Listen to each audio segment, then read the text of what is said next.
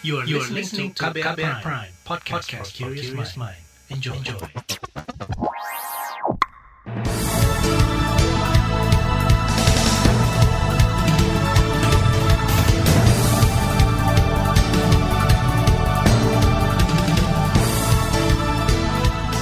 Pagi saudara, senang sekali kami bisa menjumpai Anda kembali melalui program Buletin Pagi edisi Senin 14 Desember 2020 bersama saya Sindu Darmawan.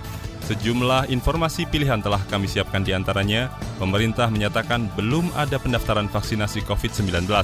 Presiden Jokowi komentari tewasnya enam anggota FPI. Ribuan warga Aceh Utara terisolir akibat banjir. Inilah Buletin Pagi selengkapnya. Terbaru di Buletin Pagi. Saudara sejumlah rumah sakit swasta sudah membuka layanan pra pendaftaran vaksinasi COVID-19. Misalnya Rumah Sakit Universitas Islam Indonesia UII Bantul, Yogyakarta, dan Rumah Sakit Umum Bunda, Jakarta. Padahal rencana vaksinasi virus corona masih menunggu izin penggunaan dari Badan POM.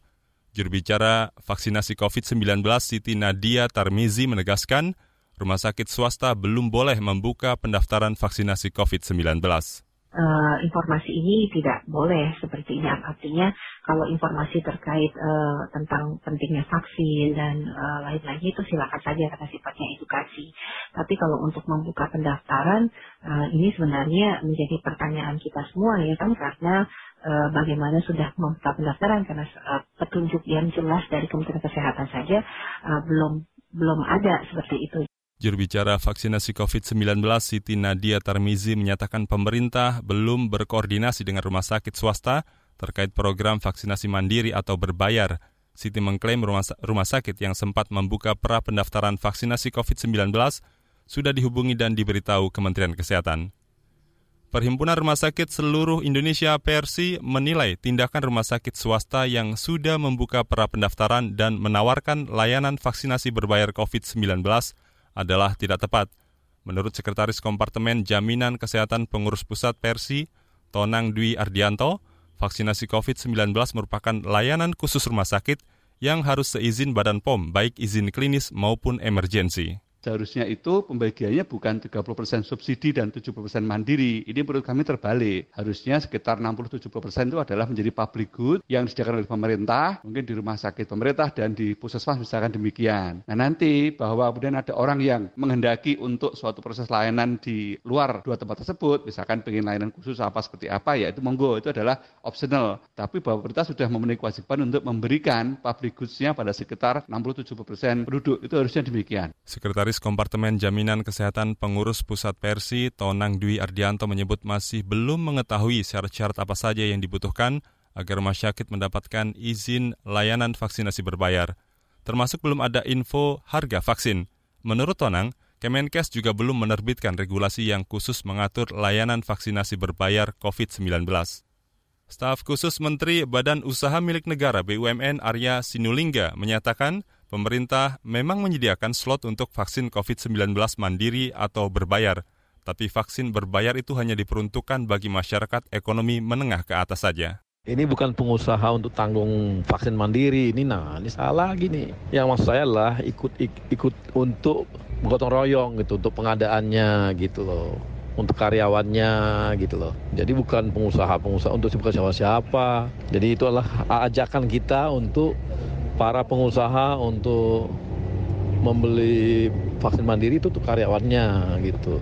Staf khusus Menteri Badan Usaha Milik Negara BUMN Arya Sinulinga mengklaim harga vaksin COVID-19 jalur mandiri atau berbayar beragam dan tidak memberatkan. Arya memperkirakan masyarakat kelas menengah masih mampu membeli. PT Bio Farma menyatakan masih harus menyiapkan sistem pendistribusian vaksin yang baik. Saat ini ada 1,2 juta dosis vaksin COVID-19 CoronaVac buatan Sinovac asal Cina yang disimpan perusahaan milik negara ini. Menurut Direktur Utama PT Bio Farma, Honesti Bashir, distribusi yang baik akan menjamin kualitas vaksin harus memperhatikan sistem rantai dingin ataupun cold chain system untuk menjamin kualitas vaksin tetap terjaga. Bio Farma saat ini sedang mempersiapkan solusi digital untuk kebutuhan pemenuhan distribusi vaksin COVID-19 baik untuk pemenuhan kebutuhan pemerintah maupun untuk kebutuhan mandiri. Suatu sistem end-to-end untuk proses pengadaan mandiri maupun pemerintah sedang dikembangkan oleh Bio Farma dan kami bekerjasama dengan berbagai lembaga, kementerian, termasuk sinergi BUMN dengan Telkom dan beberapa pihak lainnya. Itu tadi Direktur Utama PT Bio Farma, Honesti Bashir. Sementara itu, menurut vaksinolog Dirga Sakti Rambe, Indonesia sudah berpengalaman panjang untuk program vaksinasi rutin. Vaksin yang ada juga sudah menggunakan sistem cold chain atau rantai dingin yang baik. Saudara, selain belum memiliki izin edar dan penggunaan di masa darurat dari Badan POM, vaksin CoronaVac buatan Cina juga belum mengantongi status halal dari Majelis Ulama Indonesia – Ketua MUI Asrorun Niam Soleh pada akhir pekan lalu mengatakan Sinovac belum melengkapi dokumen proses sertifikasi halal. Saudara, vaksinasi COVID-19 di Indonesia dibagi dua, gratis dan berbayar. Vaksin gratis antara lain diperuntukkan untuk tenaga kesehatan, TNI Polri, dan kelompok masyarakat rentan. Ada juga vaksinasi mandiri atau berbayar. Kementerian Kesehatan bertugas menangani vaksinasi gratis untuk lebih dari 100 juta orang – Sedangkan vaksinasi berbayar untuk 75 juta orang menjadi kewenangan Ketua Pelaksana Komite Penanganan COVID-19 Erick Thohir. Total dibutuhkan vaksin lebih dari 240 juta dosis untuk dua program vaksinasi. Vaksinasi gratis akan didistribusikan melalui Dinas Kesehatan Daerah, sedangkan vaksinasi berbayar melibatkan rumah sakit, BUMN, dan swasta. Saudara, hingga kemarin kasus harian COVID-19 bertambah lebih dari 6.000 kasus sementara pasien sembuh bertambah 4.400-an orang. Total ada lebih dari 500 ribu pasien sembuh, sedangkan pasien meninggal pada minggu kemarin mencapai 166 orang. Total pasien meninggal akibat COVID-19 menjadi, menjadi lebih dari 18 ribu orang. Secara kumulatif, menurut data BNPB, saat ini tercatat ada lebih 600 ribu kasus COVID-19. Saudara, apa tanggapan Presiden Jokowi terkait tewasnya enam anggota FPI Informasinya hadir usai jeda. Tetaplah di Buletin Pagi KBR. You're listening to KBR Pride, podcast for curious mind. Enjoy!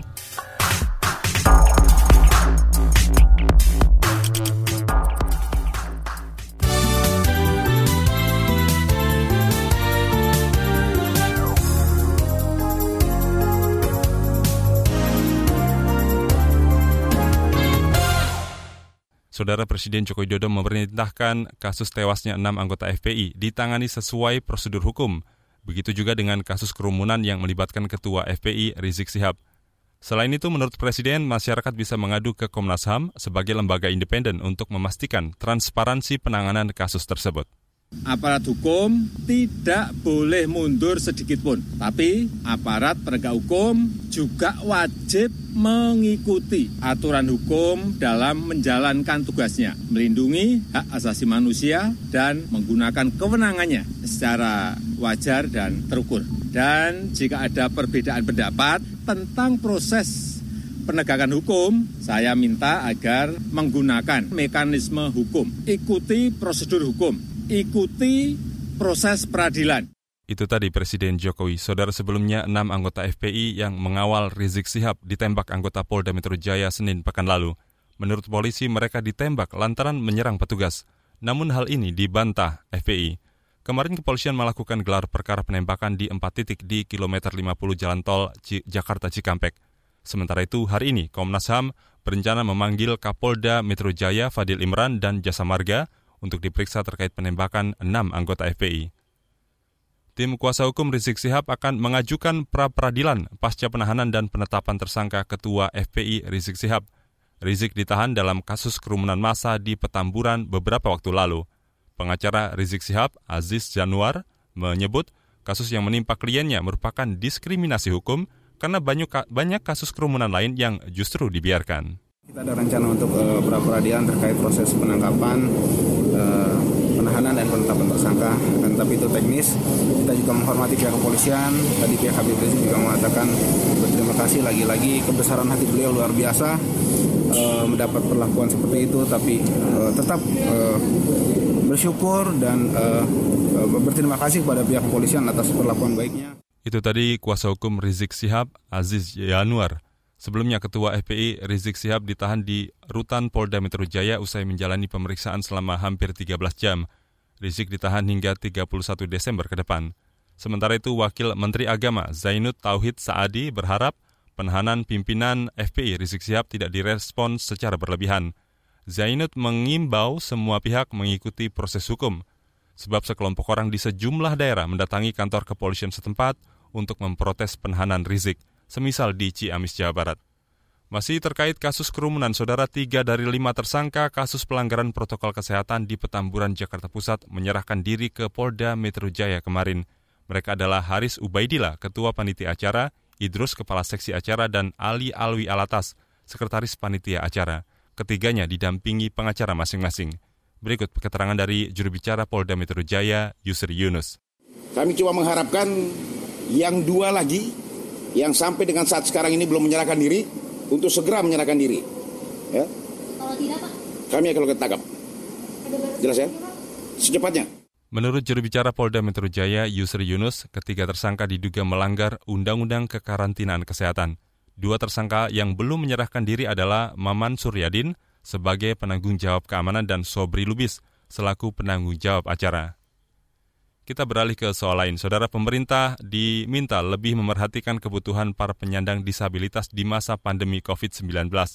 Anggota jaringan organisasi penyandang disabilitas Indonesia, Nuning Suryati Ningsi, beralasan saat pandemi banyak hak-hak disabilitas yang terhenti dan berdampak merugikan memerintahkan kepada PLT Menteri Sosial untuk menjadikan penyandang disabilitas dan komunitas rentan lainnya sebagai sasaran bantuan sosial berbasis uh, pendataan serta evaluasi uh, dampak. Yang keempat, memerintahkan kepada PLT Menteri Sosial memastikan bansos COVID-19 untuk penyandang disabilitas, memperhatikan kebutuhan sehari-hari tentang bantuan kebersihan, perawatan kesehatan, terutama perawatan kesehatan reproduksi perempuan dengan disabilitas, serta peralatan perlindungan yang sesuai dengan protokol COVID-19 Anggota Jaringan Organisasi Penyandang Disabilitas Indonesia, Nuning Suryatiningsi juga meminta pemerintah mengembalikan hak disabilitas untuk berobat dan terapi, karena selama masa pandemi, hak-hak itu banyak yang tidak diberikan oleh rumah sakit dengan alasan COVID-19.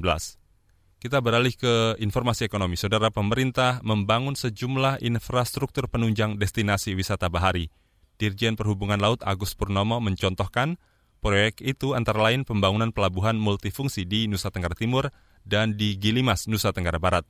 Pada pembangunan terminal di Gilimas, dilengkapi dermaga kapal pesiar dan peti kemas pembangunan terminal Gilimas untuk mendukung kawasan strategis pariwisata nasional KSPN Mandalika NTB. Sedang kami bangun sekarang misalnya di Pelabuhan Labuan Bajo NTT, ini sedang dibangun pelabuhan e, multipurpose yang baru karena yang pelabuhan yang lama akan dipakai untuk destinasi wisata. Ini sedang dalam on progress. Nanti dalam tahun ini, akhir bulan ini insya Allah akan selesai pembangunannya. Selain itu juga kami menyiapkan juga kapal bottom glass katamaran. Jadi ini desainnya dari ITS. Nanti harapannya kapal ini akan bisa uh, dipakai sebagai percontohan untuk di Labuan Bajo.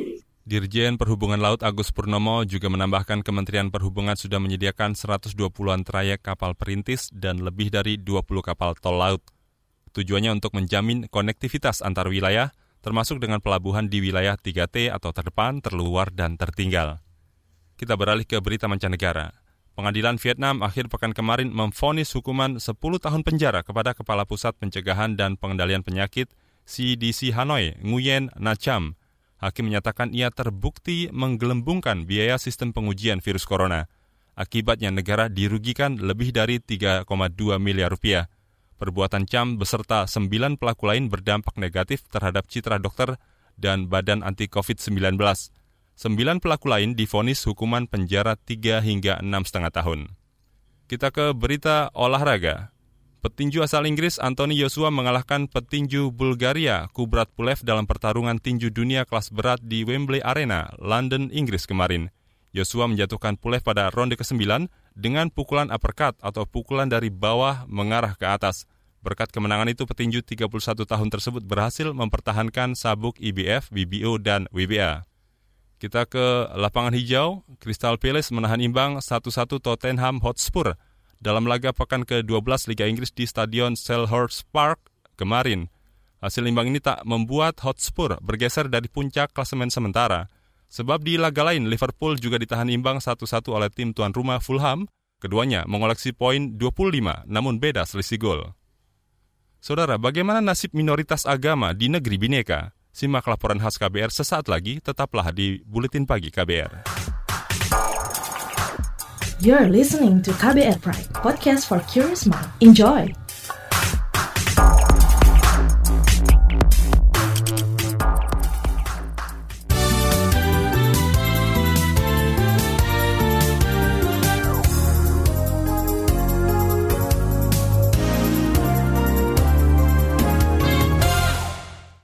Anda masih bersama kami di Buletin Pagi KBR.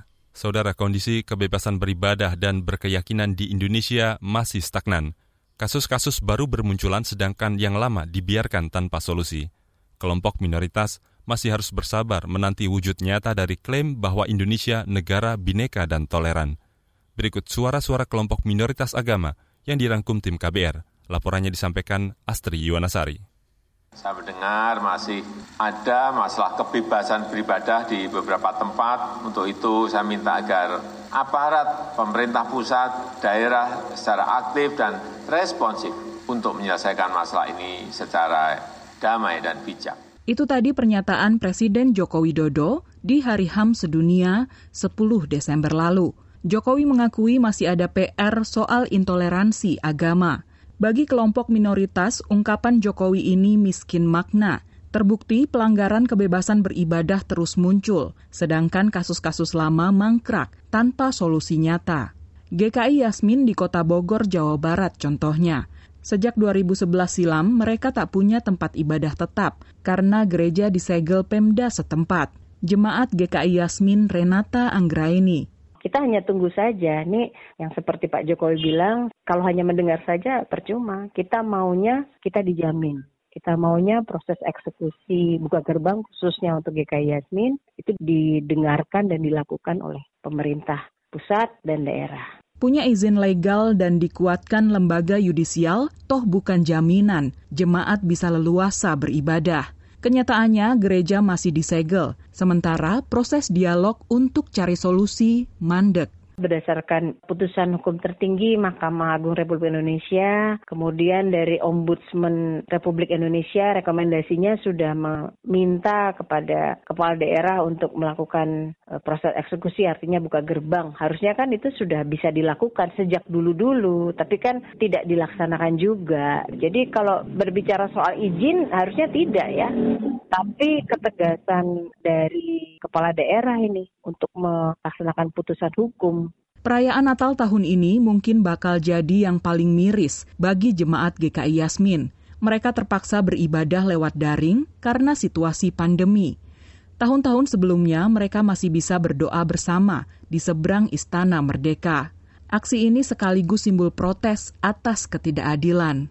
Sudah tidak bisa lagi ibadah di seberang istana ya, juga tidak bisa ibadah uh, di rumah jemaat. Jadi sejak COVID ini ya sampai hari ini kami ibadahnya masih online. Kebebasan beribadah juga masih jadi barang mewah bagi jemaah Ahmadiyah Parakan Salak, Sukabumi, Jawa Barat.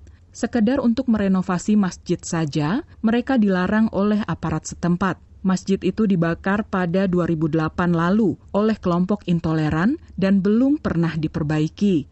Asep Saifuddin, Ketua Jemaah Ahmadiyah Parakan Salak seolah-olah tidak ada jalan keluarnya bahwa masih tetap ya, pemerintah setempat Pemda Kabupaten Sukabumi mereka itu selalu beralasan bahwa kami ini ada tentang Ahmadiyah ini ada SKB, hmm. ada Perbu, sehingga seolah-olah kami itu dilarang menurut mereka. Sehingga kami sulit untuk melakukan hal seperti itu. Surat keputusan bersama tiga menteri hampir selalu dipakai sebagai senjata untuk mendiskriminasi kelompok Ahmadiyah. SKB ini dijadikan satu dasar hukum yang sangat kuat, melebihi daripada undang-undang yang tertinggi. Sehingga terhadap apa yang kami lakukan, khususnya beribadah, memperbaiki masjid, seolah dilarang. Karena alasannya itu mereka mengatakan bahwa itu adalah mengganggu ketentraman, Penghayat kepercayaan Sunda Wiwitan pun sudah kenyang dengan diskriminasi. Masih segar dalam ingatan, kasus penyegelan bangunan makam sesepuh yang juga merupakan situs peribadatan. Konflik akhirnya berhasil diredam setelah sejumlah lembaga dan toko nasional turun tangan. Namun mereka masih rentan didiskriminasi karena belum mendapat pengakuan dari negara. Pemangku adat Sunda Wiwitan Oki Satrio Jati. Pengakuan masyarakat adat lantas ya merembet ke hal-hal lain. Jadi sama seperti misalnya pengakuan terhadap agama tradisi. Oki meminta Presiden Jokowi membuktikan janjinya menjamin kebebasan beribadah dan berkeyakinan. Ia mengingatkan jaminan kebebasan itu tak hanya soal perizinan rumah ibadah. Kami dikasih satu bangunan begitu, tuh kami beribadah itu ya artinya kami mengerjakan sawah, kami menjaga hutan, itu beribadah. Jadi tolong jangan disempitkan. Saya cuma takut bahwa ini menjadi janji-janji yang disempitkan. Seolah-olah kita hanya butuh tempat Bukan. Bukan tempat berbentuk bangunan, tapi satu wilayah. Satu kebebasan di mana kami bisa beribadah sesuai tradisi dari para leluhur kami. Demikian laporan tim KBR, saya Astri Yuwanasari. Saudara informasi dari daerah akan kami sajikan usai jeda. Tetaplah di Buletin Pagi KBR. Commercial break. Anggota komunitas Be Home, Laras, memberi semangat kepada teman-teman Broken Home untuk berprestasi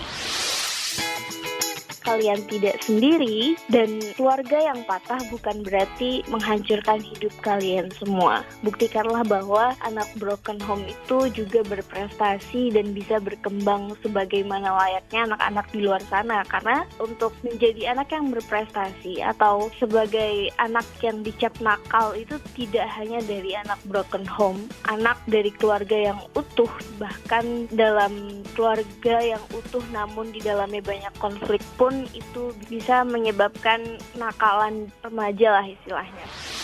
Simak obrolan selengkapnya dalam podcast Disco, diskusi psikologi dalam episode Ketika Rumah Bukan Tempat Ramah di kbrprime.id dan platform mendengar podcast lainnya.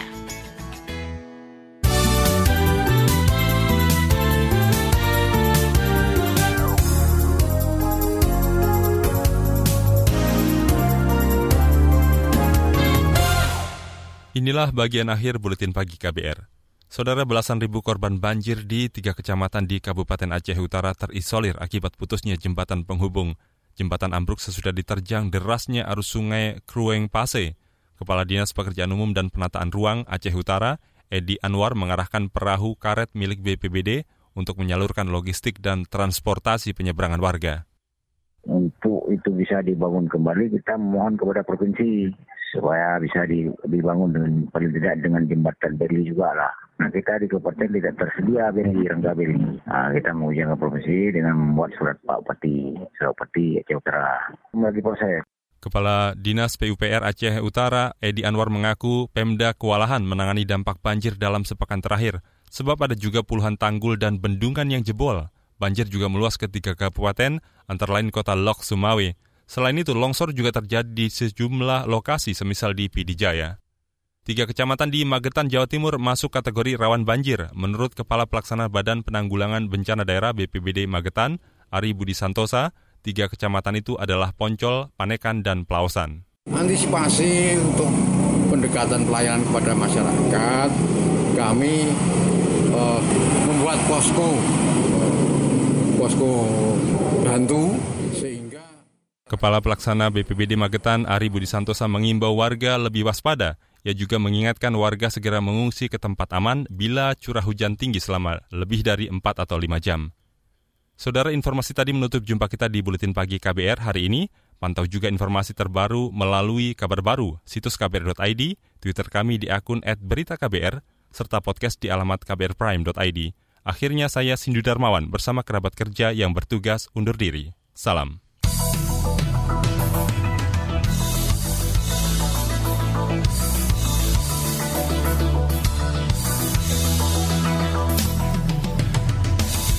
KBR Prime, cara asik mendengar berita.